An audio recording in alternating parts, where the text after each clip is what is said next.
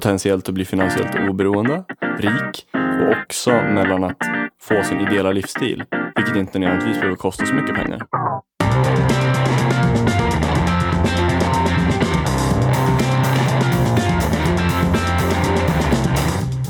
Jag har varit på bröllop i helgen. Där kan man prata om att välja mellan, eh, mellan fest och pengar. Det går åt en massa pengar. Men... Där kan man välja mellan att bli rik och ge bort hälften. Ja, det kan man också.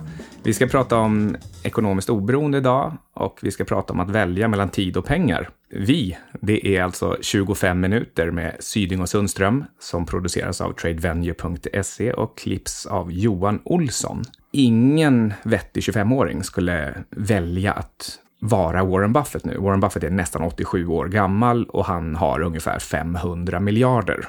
Vi kommer utveckla lite grann varför ingen skulle välja det och möjligen också varför Warren skulle välja att bli en fattig 25-åring igen om han hade chansen. Det vill i alla fall Munger. Ja, han har sagt det också. Ja, han har faktiskt sagt det. Det är väldigt kul. Det är någon, det, är något, det kan vara sista årsstämman. Men eh, det, annars är det kanske två år sedan eller någonting. Då är det en kille som är väldigt ung och ställer och frågar honom en fråga. Så här, oh, hur kan jag bli specialist i dagens samhälle? Så, så ger han något svar och sen, by the way, I would rather be you. Det, det är faktiskt riktigt bra att han till och med sätter ord på det. Idag ska vi prata om hur man väljer mellan tid och pengar. Och eh, då, då ska vi prata om både potentiellt att bli finansiellt oberoende, rik och också mellan att få sin ideella livsstil, vilket inte nödvändigtvis behöver kosta så mycket pengar om man tänker efter lite. Dagens mindset, åtminstone från min sida, det är att tid är allt, alltså precis allt. Det är att optimera sin kvalitetstid i livet som är prio ett för mig. Men sen är det inte helt självklart hur man åstadkommer det. Lite vad jag menar, det är att man ska maximera den här tiden då man kan göra precis vad man vill. Och det, detta vill, det kanske inte är att äta godis eller bli full eller den typen av riktigt korta njutningar, utan det handlar om att göra någonting meningsfullt och som också känns bra efteråt. Det ska framförallt inte kosta för mycket i form av hälsa, utan hellre kanske till och med addera livstid. Så träning är en sån sak som, som jag verkligen vill ha som del av mitt liv. Mm, men att göra saker som hela tiden utökar ens träffyta att ta tur eller ta extra vägar i livet. Inte begränsa sig. Ja, alltså jag ser det som att man å ena sidan så anstränger man sig och investerar och, och, och jobbar och sliter för att få, för att öka sina resurser. Och sen använder man de här resurserna för att fylla sin tid med någonting, någonting givande och intressant och också för att förbättra sin hälsa. Så för mig så handlar det om tid, hälsa och sömn. Mm, ja, det är grundläggande. Innan vi fortsätter med alla de här andra grejerna vi ska säga idag, så tycker jag att vi hoppar direkt in på de här milstolparna för finansiell frihet, eller vad man ska kalla det. Ja. Sex månaders levnadskostnader insparade. Sedan en månadskostnad med minimalt arbete. Sedan ett års levnadskostnader insparade sedan att kunna uppnå tre månaders levnadskostnad med minimalt arbete, sedan sex års levnadskostnader insparade. Det är liksom stegen som man kan utgå från. Okej, okay, så om jag förstår dig rätt här så alternerar du mellan att ha en, en summa pengar som räcker till, till någonting visst, till exempel en månad eller ett år eller sex år. Så alternerar du det med att ha en passiv inkomst jag vet inte vad du tjänar pengar på. Det finns ju hur mycket sätt som helst att tjäna pengar på. Och ibland så, om man håller på med saker som är typ över internet, då kanske inte allting håller hela tiden. Du kan inte veta att du kan tjäna pengar på exakt samma sätt om ett år. Du skulle kunna dra en parallell till typ trading. Om du håller på och gör en liten grej nu som inte så många vet om. Snart så vet många om det och det funkar inte längre. Det skulle kunna vara ett exempel. Mm, och ett annat skulle vara om man har släppt en bok till exempel, eller någon, någon pdf eller något liknande och det tenderar att sälja mest i början och sen eh, den svans som blir kvar räcker inte alls till lika mycket. Ja, det skulle också kunna vara ett exempel. Och eh, det, så det, det är lite rationalen bakom det. Ja, så, så eh, under det att man tar kliven på den här eh, eh, stegen så, eh, så får man tänka ut nya eller fler sätt att få passiv inkomst på så att de blir mer och mer uthålliga och högre och högre. Ja, om man är riktigt listig då har man ju en lista med sätt hela tiden så att du aldrig behöver oroa dig över pengar. För att du alltid vet att du har ett SUP i rockärmen. Men om man tar de här första, de första två bara, resten säger nog sig själva, men de två första stegen, sex månaders levnadskostnader insparade, då har du en buffert på sex månader och eh, om inte du håller på med någonting annat, eller om inte du har ett jobb liksom, då måste du kunna tjäna pengar på något sätt. Och du kanske inte går direkt, men du har sex månader på dig att fixa det. Sen efter det, om du lever billigt, men du kan tjäna in en månads levnadskostnader med ganska lite arbete, samtidigt som du hela tiden håller på att bli bättre. Då kan du skapa en slags självgående spiral där som bara, där det går uppåt och det är positivt. Om man utnyttjar på riktigt det här att man har en större och större buffert, då kan man ju göra mer och mer intressanta och mer och mer lönsamma saker, men som kanske kräver en startsträcka. Mm, mm. Min, och roligare saker också såklart, än att bara göra det som är riktigt så här hjärndött. En allmän princip som jag tycker, det är att när man ska jobba med någonting, då ska det vara, det ska vara intressant och det ska bidra till att lösa viktiga problem. Både för dig och för andra. Alltså det ska kanske framförallt vara intressant för dig själv och lösa viktiga problem för andra. Mm. Och sen blir det en avvägning av hur mycket av den ena eller den andra komponenten man har.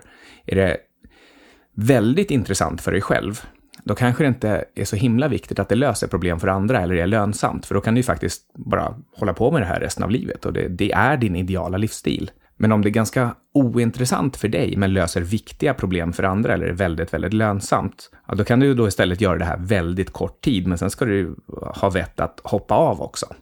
Okej, okay. så och alltså meningsfullt och värdefullt? Ja, precis. Jag tycker att en tumregel kan vara att om du håller på med någonting som inte är så himla kul, så ska du gärna hoppa av om du har fått ihop fem till tio gånger så mycket som du behöver.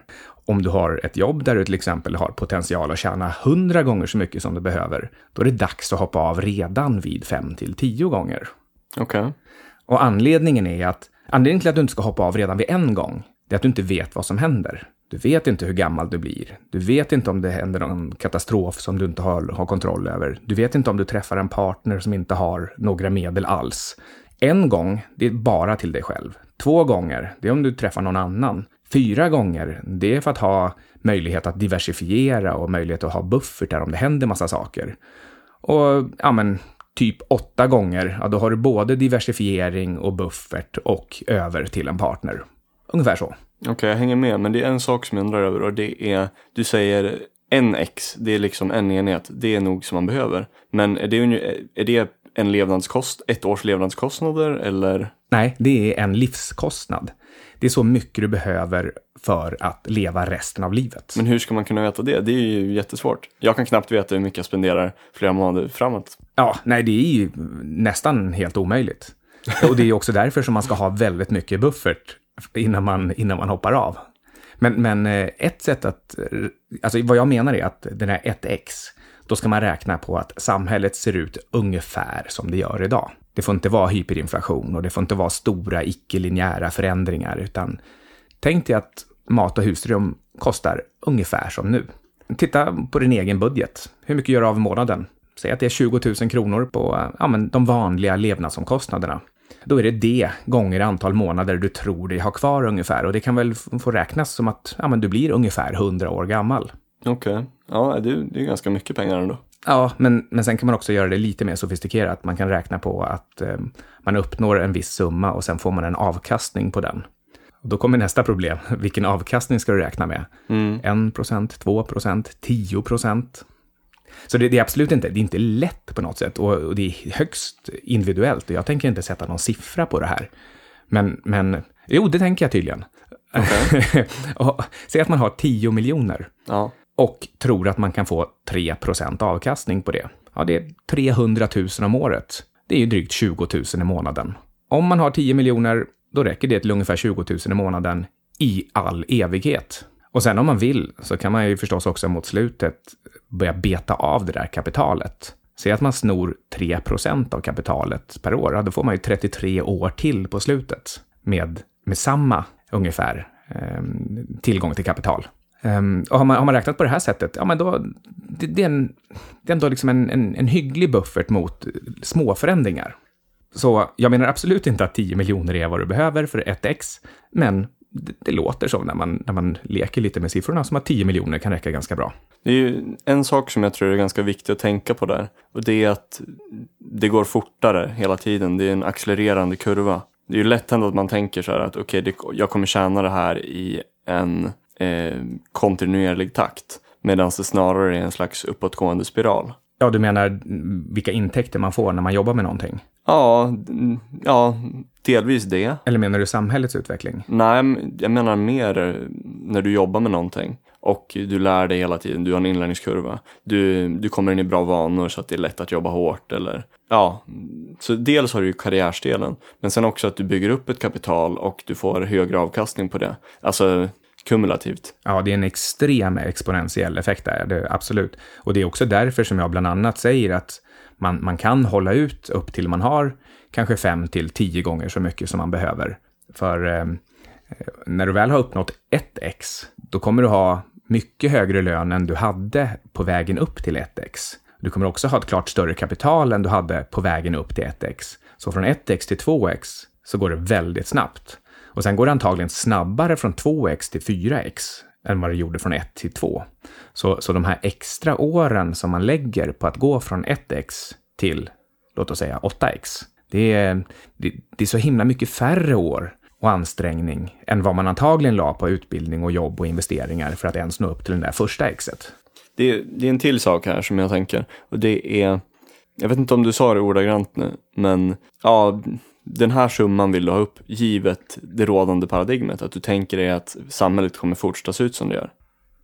Ja, det är ändå en ganska stor förutspåelig, en stor faktor att tänka på. Mycket stor, alltså den är egentligen helt och hållet dum i huvudet. För eh, om, om du tänker att du är 25 nu och ska leva till 100, titta bakåt 75 år och, och se hur samhället såg ut då. Så, mm. så får du en liten uppfattning om hur stora förändringarna kan bli. Och det finns starka belägg för att samhället och teknologin utvecklas snabbare och snabbare, vilket innebär att det kommer hända mycket mer de kommande 75 åren än de senaste 75. Ja, alltså alla har ju olika förutsättningar.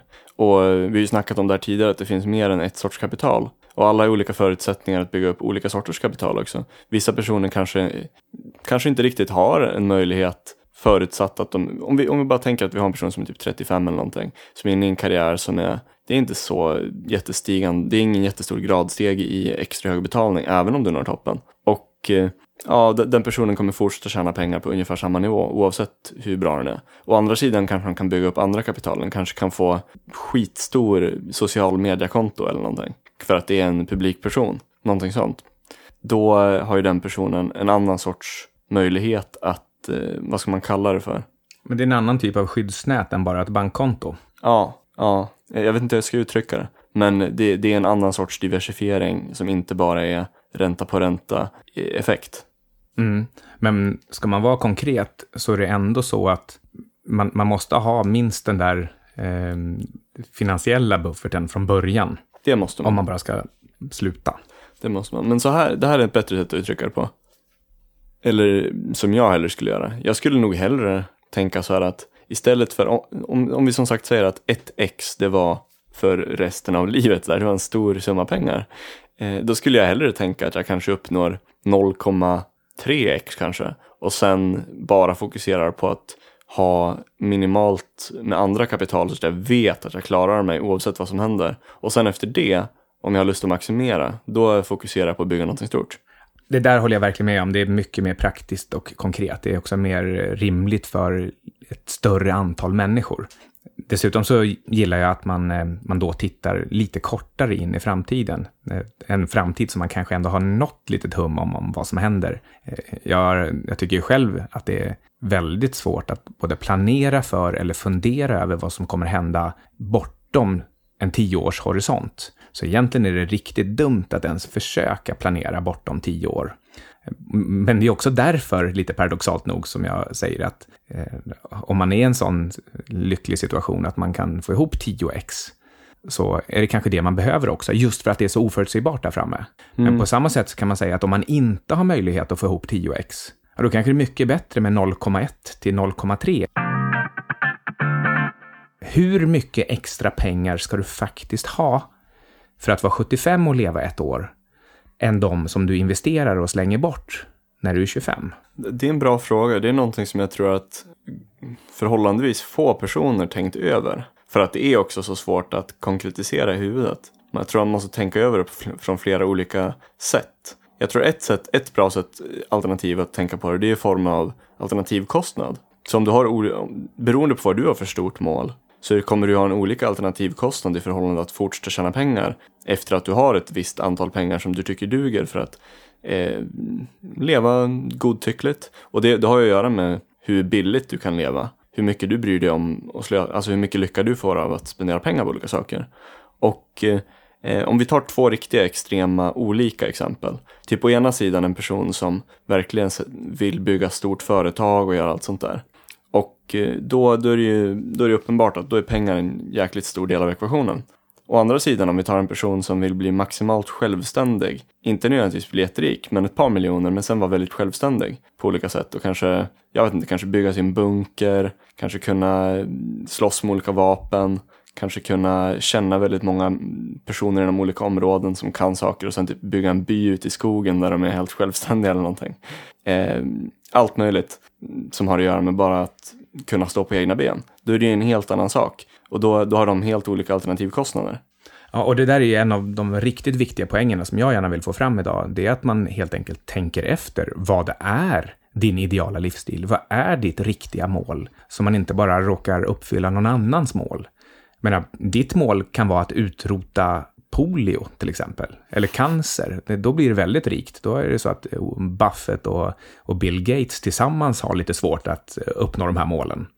Men, men om ditt mål är lite närmare det som jag gillar, till exempel att läsa böcker och umgås med hunden, att då behövs inte särskilt mycket pengar. Mm. Och sen å andra sidan om vi tar en sån sak som, eller jag vet inte vad man ska ta för mål, men hur som helst så kan man ju tänka på det som, som av, från, en, från en, man kan se på saken från en perspektiv av avtagande marginalnytta. Där i många områden så kommer du inte ha en, liksom, en kurva som hela tiden exponentiellt går uppåt. Utan det kommer gå fort ett tag och sen så kommer det avta.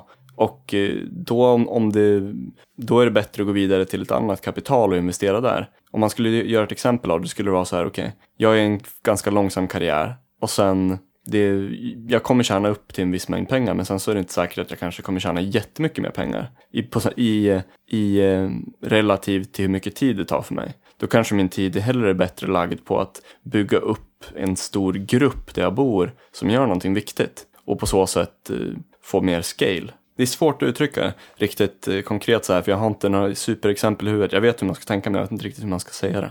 Nej, problemet är väl också att det är så individuellt. Och, och veckans tips, det är just det här att ett, tänka efter vad din ideala livsstil är och två, tänka ut vad din ideala livsstil kostar. Mm, och, sen, och sen eh, uppnå så att du kan leva i den kostnaden. Så att du har det månadskostnaden utan att behöva jobba särskilt mycket. Och då är det ju såklart bättre ju billigare man kan leva. Och återigen, undvik det här att fastna i grannkampen. Som jag ser det, så det man, det man ska optimera här i världen, det är mängden serotonin, dopamin och oxytocin. Det är bara på insidan som vi upplever världen och, och livet och, och, känner våra känslor. Det är liksom, det är där det händer. Men det är klart, det, det flyttar bara problemet, för du ska fortfarande svara på frågan, vad ska jag göra om dagarna för att maximera mängden av de här signalsubstanserna? Men det är ändå ett lättare sätt att tänka på, för att då har du olika kategorier som du du kan liksom maximera. Och det är någorlunda tydligt vad, vad du kan göra för att nå det. Då kanske man också lite lättare kan eh, avslöja när man hamnar i en riktigt onödig loop av att gå till ett jobb för att tjäna pengar, för att köpa fräsiga jobbkläder, för att imponera på kunder och kollegor, för att få ett ännu fräsigare jobb, för att köpa ännu fräsigare jobbkläder.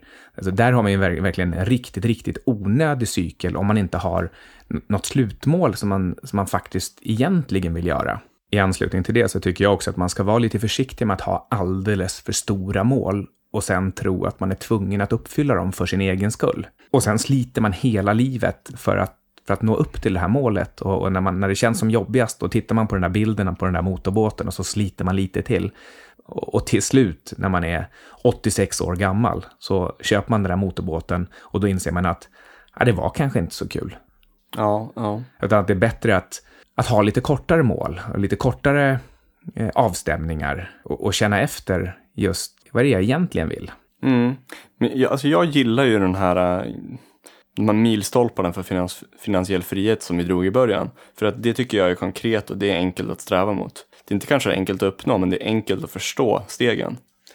Och man får en tydlig, konkret bild av hur mycket frihet man har. Man vet att nu har jag passiv inkomst och det räcker i en hel månad. Och det ger mig en månads tid att investera antingen i att ha kul eller i att bygga tre månaders finansiell frihet. Mm, ja, exakt. Det är, det är enklare att tänka så. Sen det, det som du tänker, det, så ska man nog absolut tänka om man eh, är lite längre fram i karriären.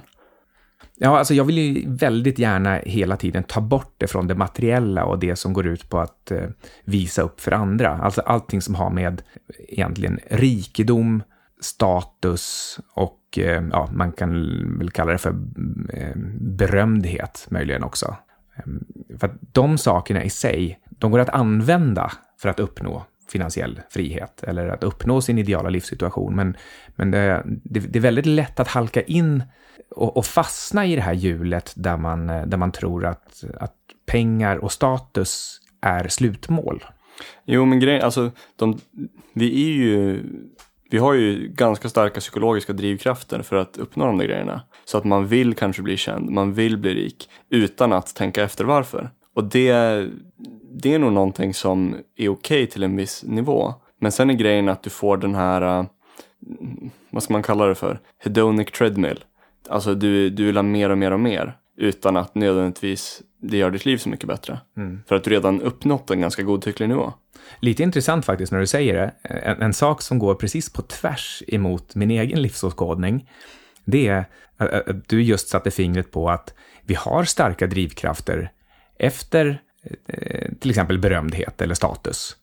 Så det skulle mycket väl kunna vara så att, att eh, status och kändisskap till och med är ett viktigare mål. Alltså det kan vara slutmål. Eh, jag skulle absolut inte, inte se det som det, men eh, det är inte alls omöjligt. Mm, ja, men det är ju nog många som vill det. Problemet är ju då bara om, om folk som i dagens samhälle, väldigt många unga, bara vill vara med på tv. Och hellre gör det. Liksom. det. Det var ju en undersökning som gjordes i England för ett antal år sedan. Då många tonåringar frågades, flera tusen, så frågade de eh, ja, fick lite olika alternativ. Och då sa de att, eller jag minns inte exakta procent, men det var en väldigt stor procent som sa att man ville hoppa av allt de hade, inklusive sin utbildning och allting, bara de kunde få med på reality-tv. Det är det här med viktiga med higher order thinking. Att hela tiden tänka ett nästa steg till, sen ett tredje steg, sen ett fjärde steg. Och eh, till exempel så här, okej, okay, okej okay, nu lyckas jag, eller det vill säga, nu, nu kommer jag med på tv. Sen, sen då? Ja, eh, ja, vem vet. Men om vi ponerar att okej, okay, jag lyckas göra en karriär av det. Eller någonting. Okej, okay, nu blir du ännu mer känd. Nu måste du vara i tidningarna ännu mer. Okej, okay, vad händer sen? Jo, du blir igenkänd på gatan av random personer. Vill du bli stoppad under mitten av dagen när du är ute och går? Eh, att de kommer och stör dig? Mm, avbryter i ditt telefonsamtal? Får du ta ut lurarna när du lyssnar på en podcast? Vill du ta selfies med idioter i hundparken? Liksom? Gör att du kommer för sent till vad det nu än är du är på väg till, en lunch eller en dejt eller ett möte. Mm. Ja, det, tänk ett steg till liksom. Kidnappningsrisk. ja, just det. Ja. Både om du är rik och berömd. Ja, det, det är en svår avvägning där. Jag tänkte hoppa till veckans bok. Det är en bok som heter The Logic of Life av Tim Harford. Han kallar sig också för The Undercover Economist.